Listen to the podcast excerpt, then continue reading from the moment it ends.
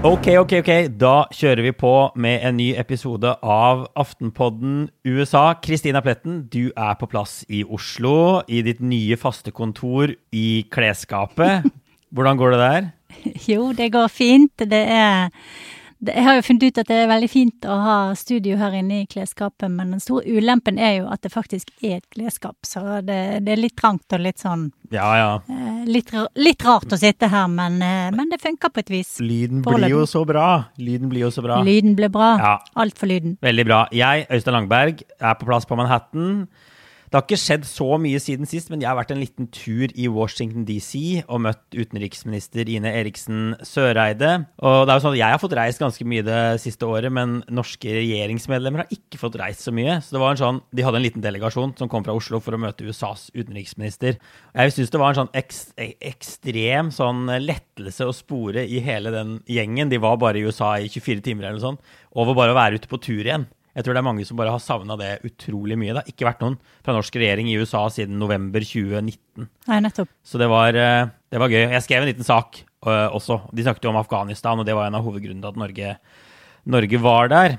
Og så blir det spennende å se om Søreide er Norges utenriksminister om en måned eller to. Har du stemt, Kristina? Jeg har stemt. Det har jeg. Det, nå er det jo veldig mange som har forhåndsstemt. Jeg har faktisk stemt i Bergen. Eh, fordi at der sto det en sånn bod på Torgallmenningen når jeg var hjemme for et par uker ja. siden, og da bare poppet jeg inn og stemte. Og tenkte bare, må bare få det gjort. Og det er egentlig veldig, ja. veldig greit, da.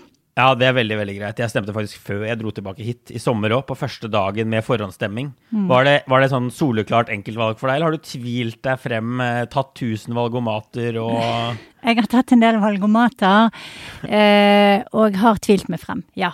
Det, jeg syns ja. det var innmari vanskelig i år, som jeg tror veldig mange syns.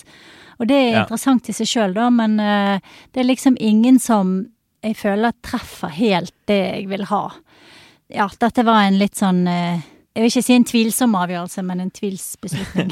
Eller kanskje den var tvilsom, jeg vet ikke. Det får tiden vise. Det vil jeg vise deg på valgnatta, det.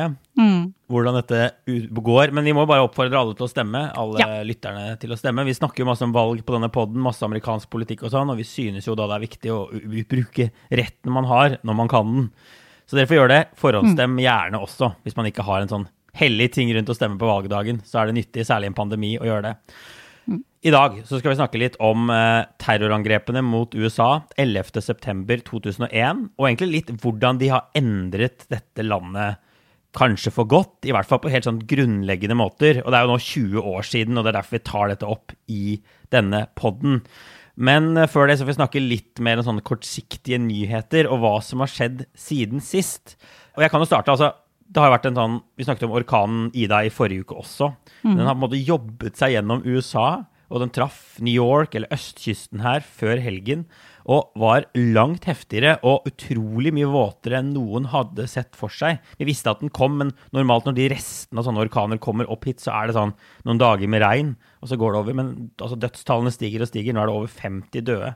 Så det kom som et rett og slett et ganske stort sjokk på ja. noen stater. Og de kommer nok til å endre ting etter det her. Det, det, så veldig skummelt ut i de videoene med sånn vann som bare fosser gjennom eh, Subwayen. Altså det, jeg er alltid litt sånn ja. smånervøs når jeg reiser på denne skranglete, kjempegamle Subwayen ja. fra før. Så, det, så, når jeg ser sånne videoer, så får jeg litt sånn angst og klaustrofobi. Ja.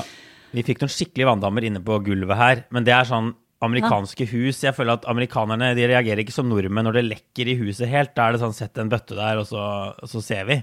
Så, så, vi har bare tørka det opp foreløpig, da. Og det var jo eksepsjonelt mye regn, så jeg tror det ja. Det var ikke vi som ble hardest rammet av det her, da, for å si sånn. Vi bodde ikke i en kjeller i Queens hvor noen jo har drukna i sitt eget hjem, så det, ja. det, er jo folk som har det vesentlig verre. Men en ting til, da, før vi tar den sånn store hendelsen siden sist, så, så har det kommet tall som viser at økonomiske comeback i USA ikke går på skinner.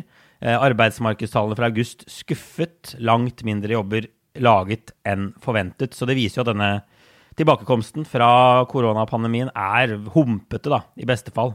Kanskje den er enda dårligere også. Vi får bare se. Ja, og det er litt sånn sleeper-issue for, eh, for, Biden, tror jeg, det der. Ja. At ikke han helt klarer å få økonomien eh, på, i gang igjen. For dette kan når alt det andre stiller ned, så kan det være det som liksom trekker ned i gjørmen til neste høst, altså. Ja. ja.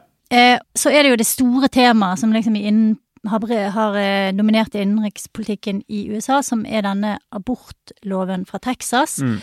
Eh, det er et utrolig komplisert tema. Jeg har prøvd å forklare det på en forklart episode som kommer denne uken. Men det er altså sånn at Høyesterett har to sakslister. En som er den vanlige sakslisten, og en som er noe som heter The eh, Shadow Docket. Og denne her Texas-loven har altså kommet opp gjennom The Shadow Docket og blitt avvist der av Høyesterett. Det betyr at den trådte i kraft i Texas, og i praksis så er det en lov som sier at man ikke kan ta abort etter at man kan høre en eh, hjerteslag-lyd mm. fra fosteret, og det skjer allerede etter sånn rundt seks uker. Og så er det spesielle med denne loven, det er at det, den skal ikke eh, håndheves av myndighetene, den skal håndheves på en måte av allmennheten, som da kan saksøke ja. eh, en abortklinikk. rett og slett. Ja, ja. Og, eh, og saksøke de for 10 000 dollar hvis de da eh, overtreder denne regelen.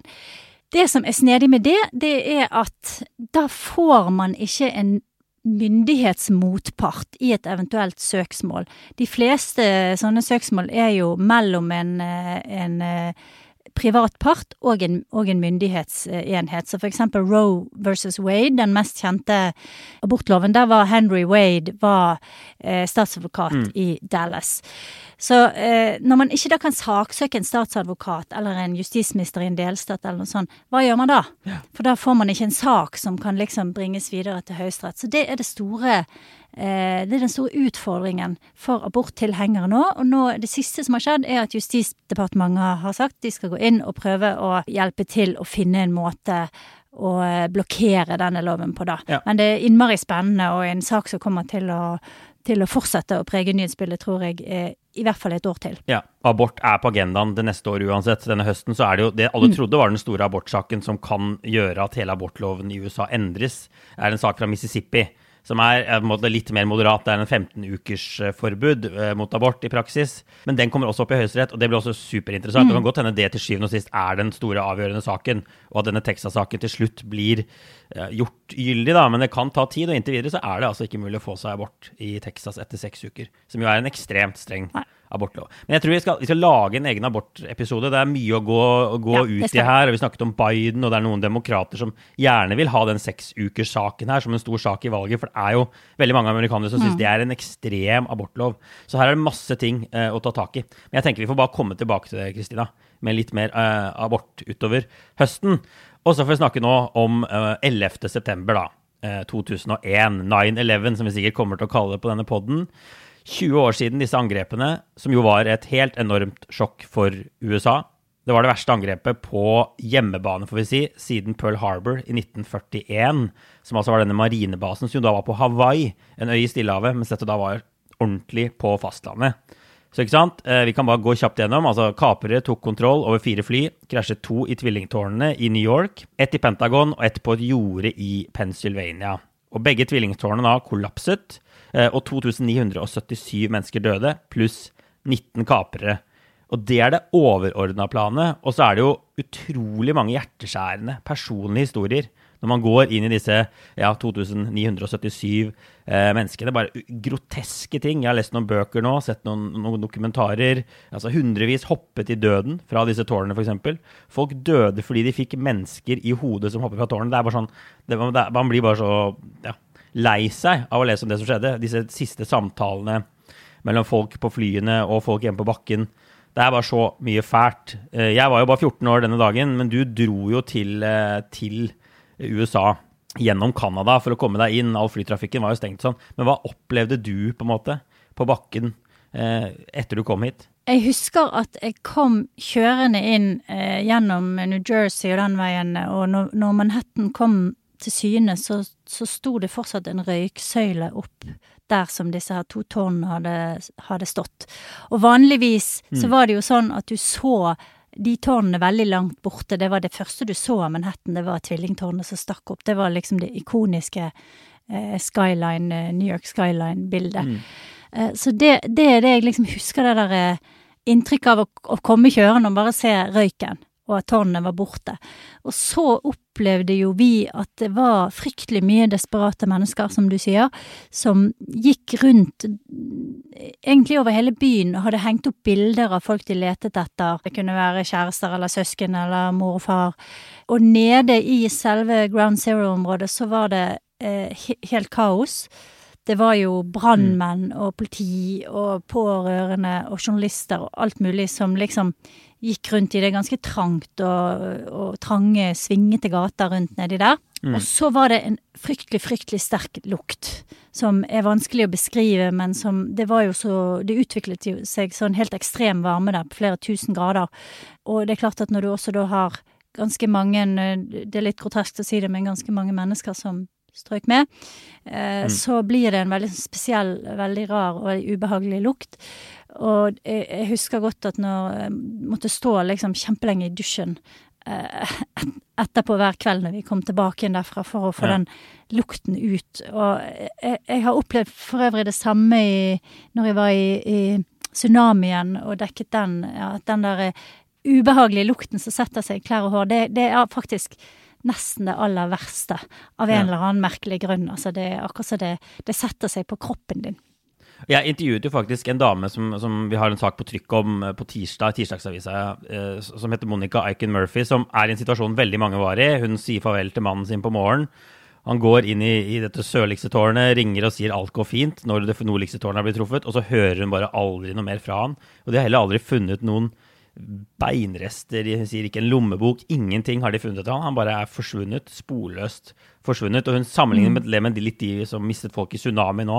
At det bare er ingenting igjen. De bare er borte for, for godt. 40% av de som døde på 9-11, er aldri blitt identifisert. Så det er jo sånn ekstra mm. vond ting da, og sier noe om de utrolige ødeleggelsene men du, men du, intervjuet vel også noen øyenvitner, gjorde du ikke det, som har sett noen av disse angrepene sånn på nært hold? For vi andre har jo bare sett videoer etterpå av hva som skjedde? Ja, jeg har i, i flere omganger eh, intervjuet øyenvitner. Selvfølgelig de første dagene så var det jo mye disse i New York som så folk hoppe fra vinduer, som opplevde all røyken og støvet. Det kom jo som en sånn bølge gjennom gatene.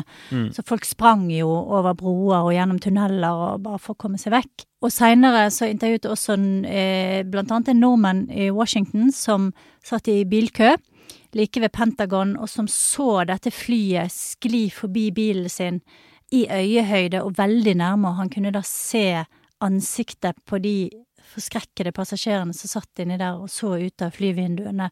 Og det er også sånn øh, Må ha vært en utrolig sterk opplevelse, da. Det ja. var jo heldigvis ikke så mange som døde i angrepet på Pentagon. Nei. Men eh, det var jo allikevel eh, Og det, det, blir ofte glemt da, at det var, dette var også et angrep på Washington og på, på landets eh, på landets sånn kjerneinfrastruktur, politiske infrastruktur. Eh, så har jeg vært også på dette jordet i Pennsylvania, der eh, det fjerde flyet krasjet. Det som egentlig skulle gått, eh, tror man, i Kongressen eller i Det hvite hus. Der var det ingenting igjen av flyet. Det var bare en sånn brun flekk mm. i gresset på et sånt jorde. Og der var det også en del konspirasjoner rundt om flyet hadde blitt skutt ned, da, av mm. jagerfly. Det var en del folk som mente det fordi at de hadde sett eh, en eksplosjon i luften før flyet traff bakken, og deler av flyet ble funnet flere kilometer unna, blant annet eh, en av motorene.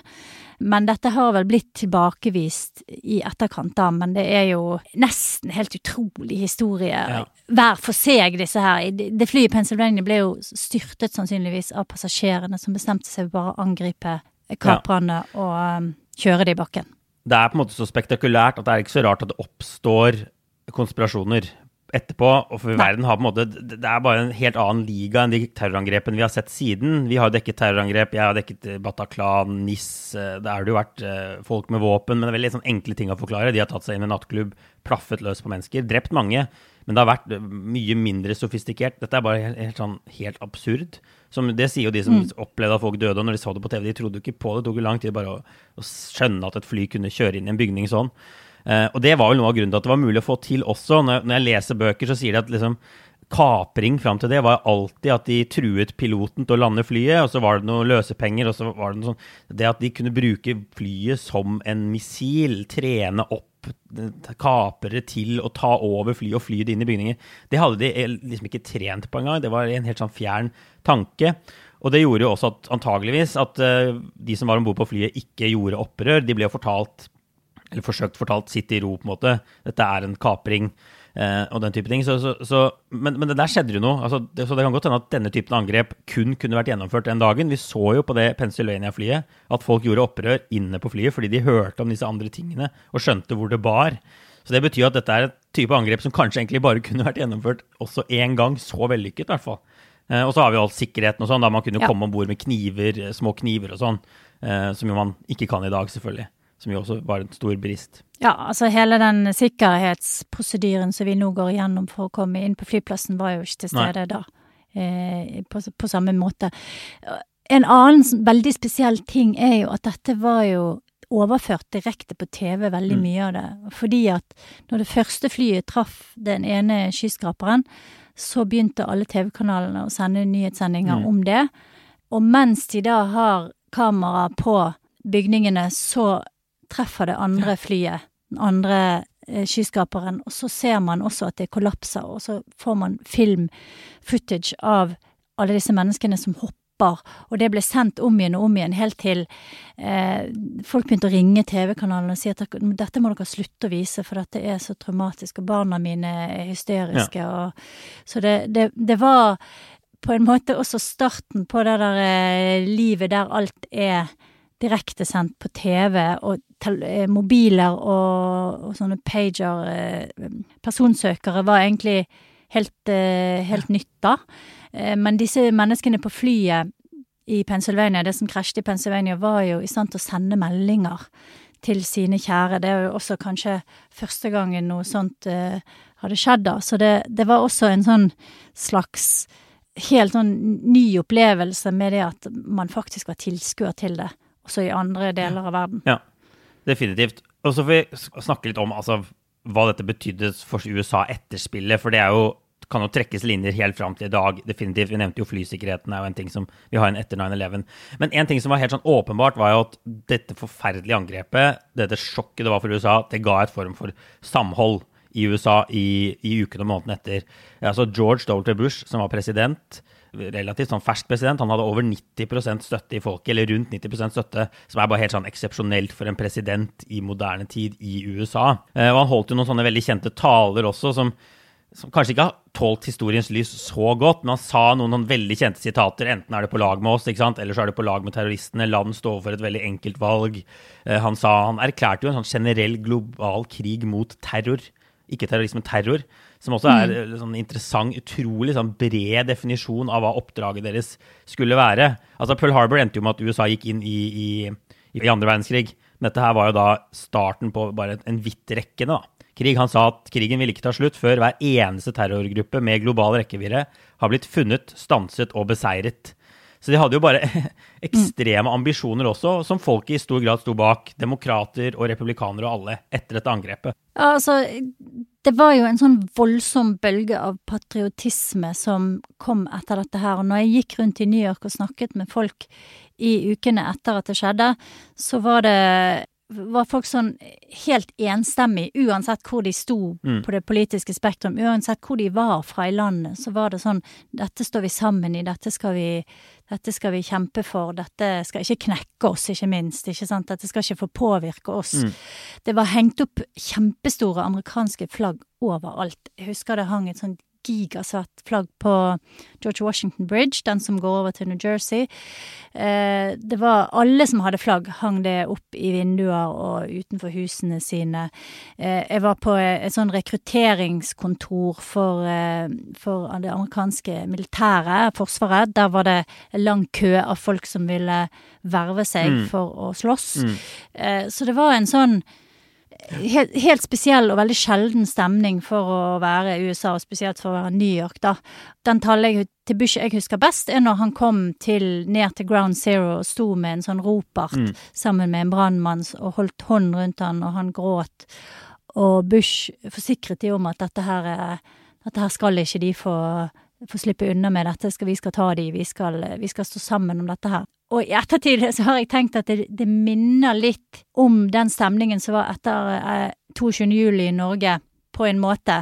Litt det, det samme samholdet, det at eh, dette skal vi som nasjon stå sammen om. Vi skal, eh, vi skal, eh, vi skal ikke la det splitte oss, vi skal ikke la det påvirke oss.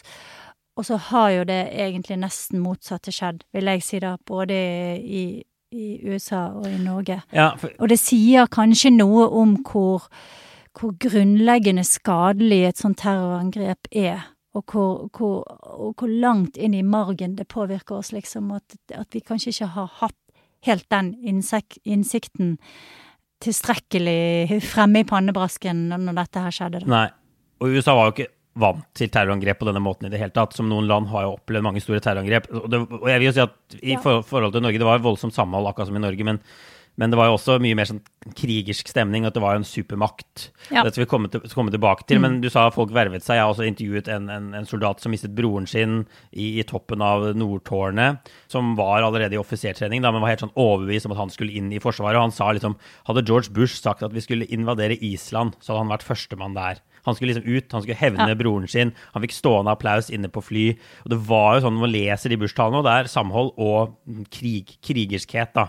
Nå skal vi ta dem. Og de ble angrepet på en måte utenfra, og ikke innenfra. Det ville nok vært ganske annerledes reaksjon også i USA hvis det hadde vært eh, en annen type, da. Lokal, hjemlig terrorist med en helt annen eh, annen agenda. Men vi får, vi får ta det som kom da. altså Etter, etter talene så kom krigene. Først Afghanistan 2001, som det var ganske bred enighet om. Det var jo der bin Laden hadde planlagt angrepene, Al Qaida-lederen. Eh, Nato var med. De hadde bred støtte blant allierte til den krigen. Og så kommer Irak-krigen noen år etterpå, 2003, som de hadde mye mindre støtte for. Og de hevdet helt feilaktig at eh, Saddam Hussein, lederen i Irak, hadde masseødeleggelsesvåpen. De prøvde også å koble en link mellom Hussein og 9-11, som aldri har blitt bevist, eh, som også var altså, feil. Og så var jo krigen mot terror da, også mye mer enn det. ikke sant? Så, og det kom egentlig mer til syne. altså Man fikk, skjønte ikke omfanget av dette helt med en gang, men all overvåkningen har jo blitt avslørt i masse sånn skandaler og lekkasjer etter hvert, tiårene etterpå. Eh, interneringsleirene fikk verden opp øynene for, men også, også bruk av teknikker, eh, avhørsteknikker, som ikke kan kalles for annet enn tortur. Som også verden har sånn gradvis skjønt hvor omfattende var.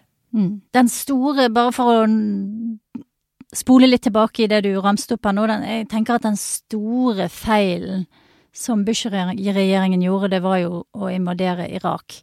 Og der var det, som du sa, eh, motstand også hos en del amerikanske politikere. Ikke veldig mange, men, eh, men det var flere som protesterte mot det. Mm. Men det gjorde jo også at de hadde mindre ressurser. Plutselig så skulle de bruke masse ressurser i Irak, så Afghanistan kom litt i bakleksa. Eh, og eh, de fikk heller ikke kanskje skrudd til eh, krigen mot terror på den måten de burde ha gjort med å gå etter disse nettverkene. Og det som kom frem i etterkant om eh, tortur CIA satte jo opp sånne dark sites, som var sånne hemmelige fengsler rundt omkring i, i verden, der de hentet inn mistenkte eller eh, allierte, eller folk de trodde var allierte av terroristene, og så forsøkte de å få ut informasjon fra de. Og dette var jo eh, godkjent fra høyeste hold Mm. i den amerikanske regjeringen. Eh, og det ble jo en helt enorm skandale, men Bush-regjeringen innrømmet jo aldri at egentlig at dette var feil. De sto jo på sitt og mente at dette var nødvendig. Confidence starts with loving who you are. And when your skin feels nourished and glows on the outside, you naturally radiate confidence from the inside. Give your skin a glow up with Osea's clinically proven Mega Moisture Duo. This ultra hydrating body care features two of Osea's best sellers, Undaria Algae Body Oil and Undaria Collagen Body Lotion. These seaweed powered heroes use skincare level ingredients normally reserved for your face for results you can see and confidence you can feel. Osea has been making clean, clinically proven seaweed infused face and body care products for over 28 years. This luxurious skincare is vegan, cruelty free, and climate neutral certified, so you never have to choose between your values and your best skin. Glow from the inside out Get 10% off your first order with code GLOW at OseaMalibu.com. That's O S E A Malibu.com code GLOW. Ja, så, så, Det som det ikke er noen tvil om, er at USA bare reagerte utrolig voldsomt. Det var målet helliger middelet. Mm. Vi kan torturere, vi kan internere, vi kan bryte liksom alle rettsstatsprinsipper som vi selv har på hjemmebane, så lenge vi gjør det rundt omkring i verden. Eh, fordi så lenge vi kan stoppe en terrorist, så er det på en måte verdt det. Eh, og så kommer disse tingene fram, og det ble jo brukt som voldsom propaganda for, for terrorister og sånn. Men, men, hvorfor reagerte USA så voldsomt og kraftig? Man kunne jo sett for seg en, en annen reaksjon på dette angrepet. altså ja, men for det første så er det jo det du sier, det er jo første gang, eh, i hvert fall i moderne tid, at USA har blitt angrepet på denne måten på fastlandet. Men det var ikke bare fastlandet. Det var regjeringen, det var Washington, og det var finanssentrumet i hjertet i New York. Mm. Eh, så det var jo virkelig et angrep som skar liksom rett inn i hjerteroten av det amerikanske samfunnet, da. Eh, og en, og en sånn På en måte også en slags ydmykelse for dette her som nå var verdens eneste gjenlevende supermakt. Ja. Det var det var ti-elleve år siden Berlinmuren hadde falt. Tolv, kanskje. Sovjetunionen hadde gått i oppløsning, var ikke lenger noen trussel. Og gjennom hele 90-tallet så følte vel eh, USA at amerikanerne at de sto tilbake som den store seierherren fra den eh, kalde krigen. Eh, var, de var nå den soleklare globale lederen. Og så kommer det noen folk ut av en hule i Afghanistan, liksom, og klarer å, å treffe de så grundig, liksom midt i, i pannen. Det er klart at det var et enormt sjokk. Og så har du en annen side av denne historien, da, som handler om en politisk ideologi. Og folkene rundt Bush i hans regjering de såkalte haukene, Dick Cheney som var visepresident, Donald Rumsfeld som var forsvarspresident, Paul Wolfowitz, en av de viktigste eh, sikkerhetsrådgiverne, de hadde allerede på 90-tallet begynt å formulere en politikk som handlet om at USA skulle bruke alle midler de hadde til rådighet for å befeste sitt globale lederskap. Mm. Og så utviklet jo dette her seg til det som ble kalt for the Bush Doctrine. Og det er altså at man skal slå til før noen blir en trussel. Og det var det de forsøkte å gjøre, eller forsøkte å påstå at de gjorde i Irak, da. At de skulle ta Saddam Hussein på en måte for, før han tok USA. Og den tankegangen om at man skal ta ut en trussel før trusselen angriper, den har preget hele krigen eh, mot terror. Mm. Også eh, på individplan. For det at både i USA og i Europa så arresterer man eh, terrorister for planlegging, nesten bare for å sitte hjemme og omtrent tenke. tenke. på å gjøre terrorangrep, altså. Mm. Så det er en veldig viktig sånn ideologisk og politisk endring som skjedde etter 11. september. Ja. Altså, jeg har lest noen bøker nå, det er jo mange som nå prøver å tegne, strekke linjer fra det som skjedde den dagen, og alt som har skjedd i USA. Altså, USA er jo et ekstremt polarisert land nå. Der vi, har, vi snakker om dette hver eneste uke. Eh, det er en, som har skrevet, en Spencer Ackerman, journalist, som har skrevet en bok som heter Rain of Terror. Han eh, skriver at 9-11-epoken destabiliserte Amerika. Han mener den produserte Trump. Og han mener at den muliggjorde en sånn sivilisasjonskrig, fostret en fremmedfrykt som egentlig alltid har ligget der, da, men som gjorde at ytre høyre fikk liksom friere tøyler. Alt fokuset var på jihad i utlandet. Bush selv sa at dette er ikke en krig mot muslimer, men mange liksom tolket det sånn, da. Som at dette er liksom vestlige kristne korstog, nærmest. Og at det ble brukt sånn. Altså, hva, hva tenker du om liksom, den type tanker? Da? Er det å trekke liksom, linjene for langt? Nei, jeg syns ikke det. Jeg syns det er en god analyse. Jeg tenker at 11. september satt i gang en sånn spiral av hat som utløste mer og mer hat fra den ene siden, og handlinger, krigshandlinger, som igjen da førte til svar fra den andre siden, mer hat på andre siden. Vi ser at i eh, Afghanistan nå så kommer det ut historier, ikke sant, om hvordan sivilbefolkningen har blitt truffet i 20 år av droner som skulle ha vært gått til, mot Taliban, og som traff et bryllup eller en ja. eh, barnebursdag, ikke sant. Og hvordan alt det der har bare nørt opp hat i år etter år. Det samme har skjedd i Irak, og vi har sett eh, fremveksten av IS, som bygget på eh, de handlingene, de krigshandlingene som amerikanerne og Nato-allierte gjorde både i Afghanistan og andre steder. Så det er klart at dette her er, er helt åpenbart en sånn reaksjon og motreaksjon som nå har gått frem og tilbake i 20 år, mm.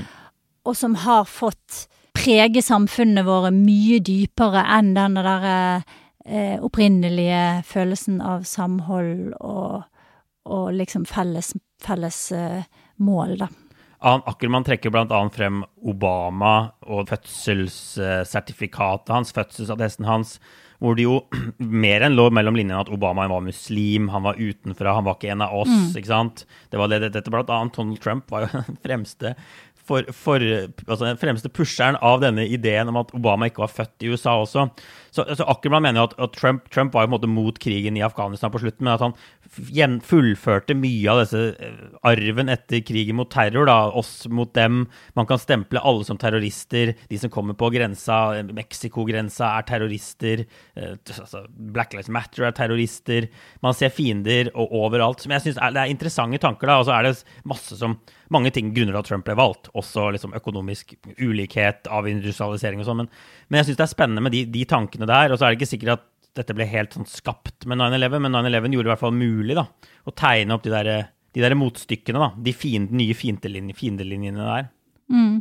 Og jeg tror at uh, når man ser det liksom om noen år, når man skriver historien om disse tiårene, så vil det, vise, vil det stå veldig sånn tydelig frem som et vendepunkt, nettopp i det du sier, med, med å ha skapt disse fiendebildene som etter hvert har liksom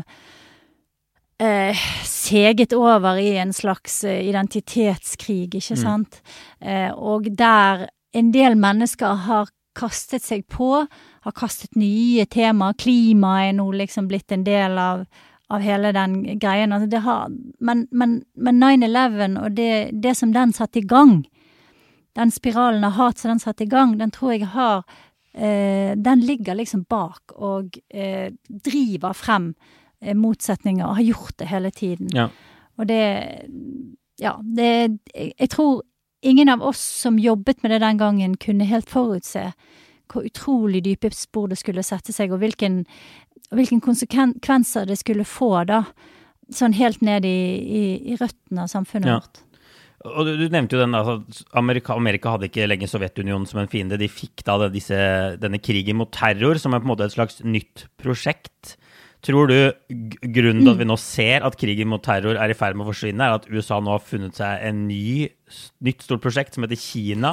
Og at, dette, altså, at et, en sånn supermakt måte, trenger et eller annet prosjekt for å ha noe å stå sammen mot? Det er ikke nødvendigvis konspiratorisk heller, men, men det er jo interessant å se de linjene der. Altså Sovjet, krigen mot terror, og nå, nå Kina. Det er jo det Biden snakker om. Og Trump. Ja, altså alt handler jo om trusselen mot amerikanske hegemoni, og også det vestlige hegemoni, da, mm. hvis vi kaster Europa og Nato litt inn i den samme bøtten, så, så handler det jo om at vi ønsker å forsvare vårt hegemoni over økonomi, over ressurser, over militær overlegenhet mot utfordrere. Mm.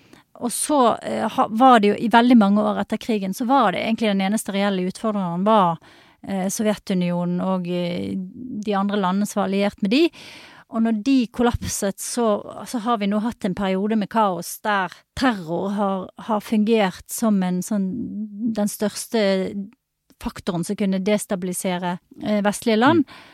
Men det er klart at med, med fremveksten av Kina, ja, så tror jeg man, man gjør en veldig sånn kynisk avveining nå om at nå trenger vi alle ressurser på å ta opp konkurransen mot Kina, og, og passe på at de ikke tar oss på sengen, sånn som har skjedd før, ja. da.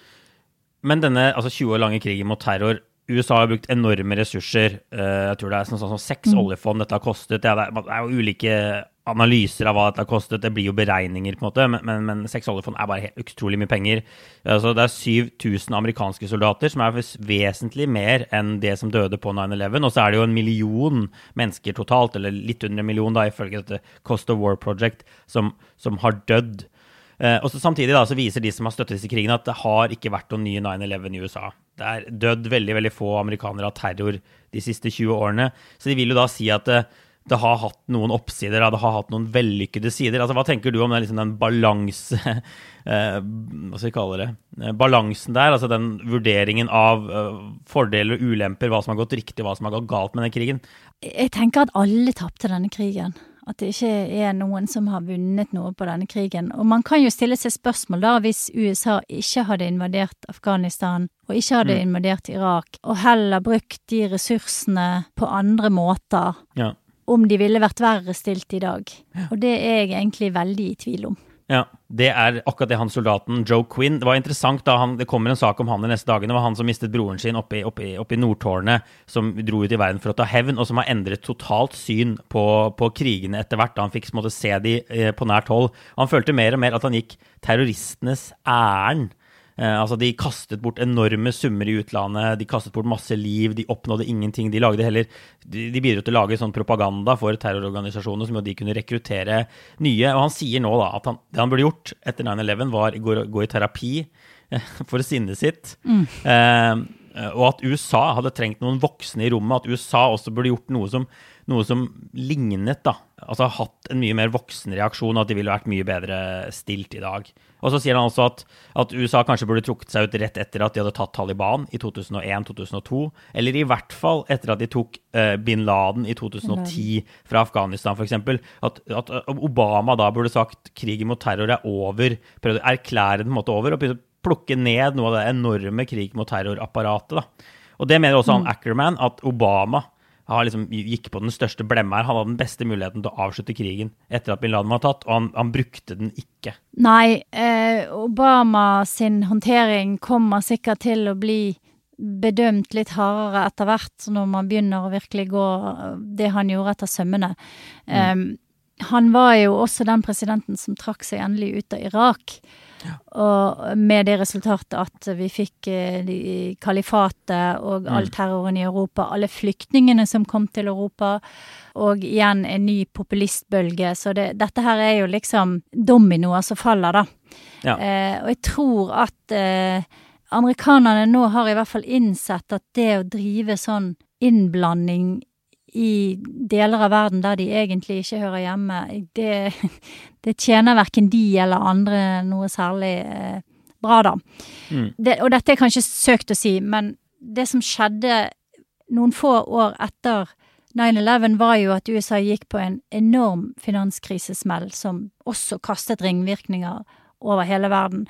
Og man kan jo spørre seg om hvis de hadde hatt litt mer eh, bevissthet på det som skjedde på hjemmebane, og litt mer oppmerksomhet rettet mot det, og brukt ressursene eh, hjemme i USA, og man kanskje da kunne unngått det verste smellet som kom etter eh, finanskrisen i 2008, som også var med på å eh, gjøre denne her splittelsen, drive denne her staken mellom, mellom amerikanske folk enda lenger inn.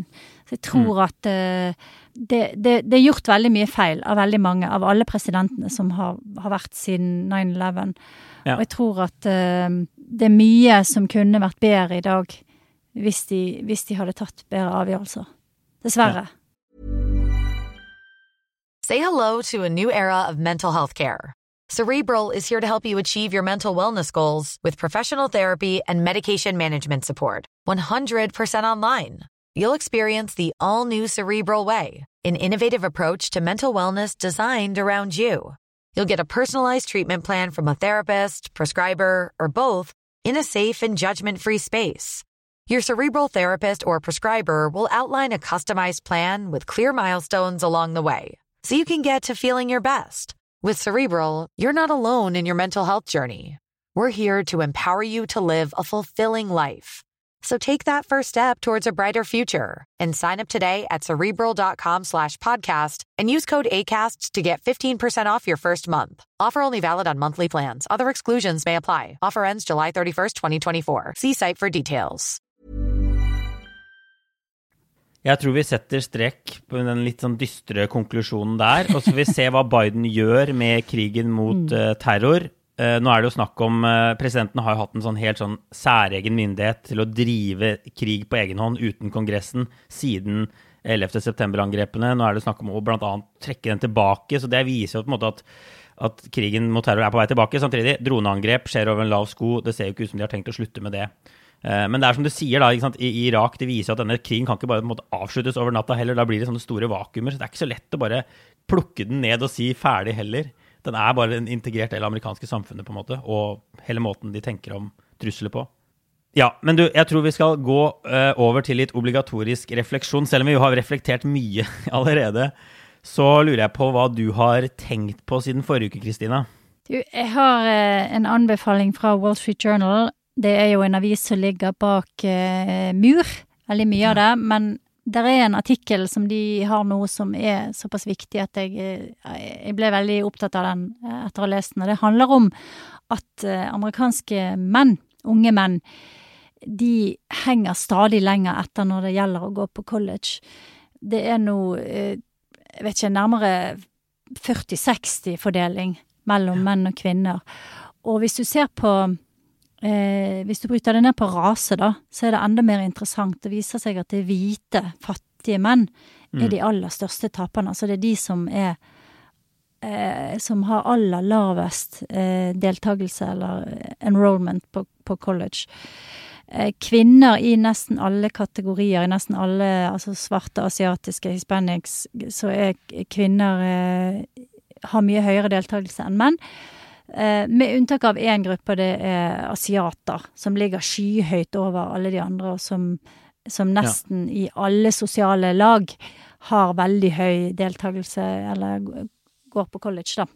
Ja. Eh, men dette her er jo veldig interessant, for det bekrefter også noe av den der eh, som vi, Den utviklingen som vi har sett de siste årene med disse misfornøyde, hvite, dårlig utdannede, litt økonomisk ressurssvake menneskene mm. som faller lenger og lenger etter. Altså, ja. De har fått hele denne her eh, opioidepidemien så utrolig hardt. De har blitt så hardt rammet av den nå begynner de å henge etter i utdanning, og de, de, henger etter økonomisk, og det er en utvikling som USA er nødt til å ta fatt i, på et eller annet mm. vis. Og du kan si at ok, ja ja, menn har hatt uh, uh, satt i førersetet Ja, de har hatt sin tid, og de og de, har, eh, og de har fått styre, og de har fått være i flertall så lenge. Hvorfor skal ikke kvinner det? Men det er, jeg tror det er veldig skadelig, veldig farlig for et samfunn å få eh, en så stor gruppe unge menn som ikke tar utdanning, og som liksom hekter seg litt av. Og akkurat denne type journalistikk er Wall Street Journal utrolig god på. Mm. De, de, gjør en del sånne store saker som, som, der de løfter opp problemstillinger som ikke nødvendigvis er sånn helt fremme i, i, i spissen av nyhetsbildet. Så de er og du, du, kan faktisk få deg et årsabonnement for rundt en 500 kroner. Så det, for folk som er superinteressert i USA, så vil jeg absolutt anbefale det, altså. Uh, de har masse, masse bra og interessant stoff. Og så bare si én liten interessant ting til om den saken, og det var at det står at mange unge menn mener at det ikke lenger er nok verdi i å gå på college. De vil tjene penger med en gang de kommer ut av high school.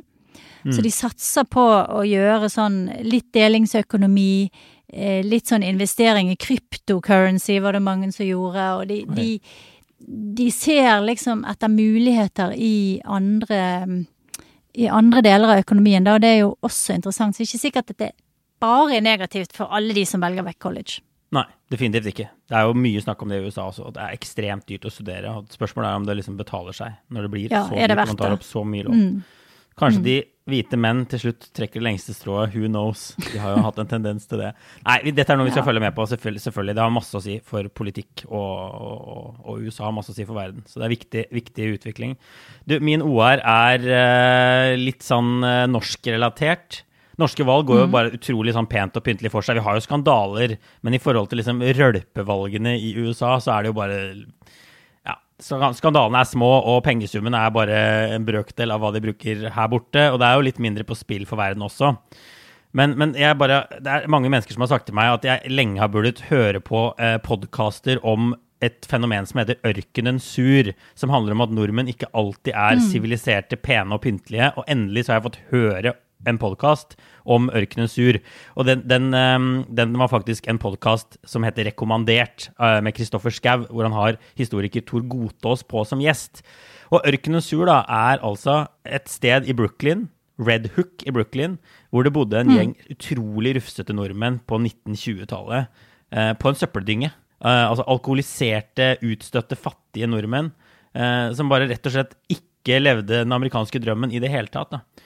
Som er en interessant del av den immigrasjonshistorien. Vi har jo vært og snakka med folk i Midtvesten og sånn, begge to. masse sånn. Men dette er altså eh, mye sjømenn og sånn, da, som bare ikke fikk det til i det hele tatt. Mm. Og de var der til sånn litt etter depresjonen ut på 1930-tallet, før alt ble bare pakka sammen og, og, og kasta ut. Eh, mm. Og der skrev jeg bøker og sånn om det, men eh, den poden er en fin sted å starte. Den første halvtimen handler om dette. Det er en superinteressant historie, og dette jo, ligger jo helt nede med havnen. Der som ja. Eh, Ikea har faktisk bygd eh, ja, ja, et stort eh, varehus der. Men båtene kom jo inn der, så de liksom hoppet bare av båten og så rullet seg hen i ørkenen sur. Men det var et lite norsk eh, fotavtrykk der ganske lenge, helt frem til eh, i hvert fall 90-tallet. Eh, for jeg husker at jeg var der nede på reportasje, og da bodde det fortsatt en del nordmenn i noen sånne veldig små, stusslige hus. Mm. Og en av de, han ble mistenkt for å være Unabomberen, og var plutselig så arresterte FBI han, for han hadde eh, bestilt noe sånn eh, gyts eller noe greier til, som man trodde han kunne lage bomber av, da. Ja, Unabomber, du må ta kort hva det er for noe, tror jeg. Ja, det var en fyr som sendte bomber i posten. Ja. Eh, til folk, og så sendte han sånne lange eh, rambling, sånne mm, manifest som ble trykket både i New York Times og Washington Post, og det gikk flere år der de prøvde å, å fange han da, og det var Han ble til slutt tatt opp i skauen et eller annet sted i, i langt unna Brooklyn. Langt unna Men i hvert fall, eh, i hvert fall så var det eh, da en del nordmenn som bodde igjen der nede fortsatt, og det er fortsatt en norsk sånn sjømannsbar. Helt fantastisk. Der, den, man, den, er fortsatt åpen, fortsatt eid av en norsk dame. og Der kan man dra ned og ta seg en drink, og der er ofte mye bra livemusikk. Det har blitt sånn kultsted etter hvert. Ja, det heter Sunnis Ja, Sunnis, Den anbefaler ja. jeg på det, på det, sterkeste. Ja, så det kan være, kanskje være vår sånn felles anbefaling denne uken, hvis du er Når du kommer deg endelig tilbake til New York. Når grensene åpnes, ta en tur til Red Hook og Sunnis og se på ja, Ikea, ta... og tenk over nordmenn som har slitt rundt i ørkenen sur, som ikke finnes lenger, da, får vi si. Det er blitt veldig koselig du... i Red Hook nå. Ja, det er kjempefint. Du kan ta båt over. Det går en sånn Ikea-båt over fra downtown ja. Manhattan. For free. Ta båten over, og så kan du gå litt på Ikea, hvis du vil det. det vil, ja. Og så kan du ende opp på Sunnis og ta, ta taxi hjem igjen, da. Det, det er en fin uh, liten ekskursjon. Absolutt. Så jeg legger ut en liten lenke til den, eh, til den poden også, om denne delen av norsk utvandringshistorie. Og så får vi kanskje snakke litt mer om norsk utvandringshistorie også på en pod senere. Det er jo kjempemasse gøy der.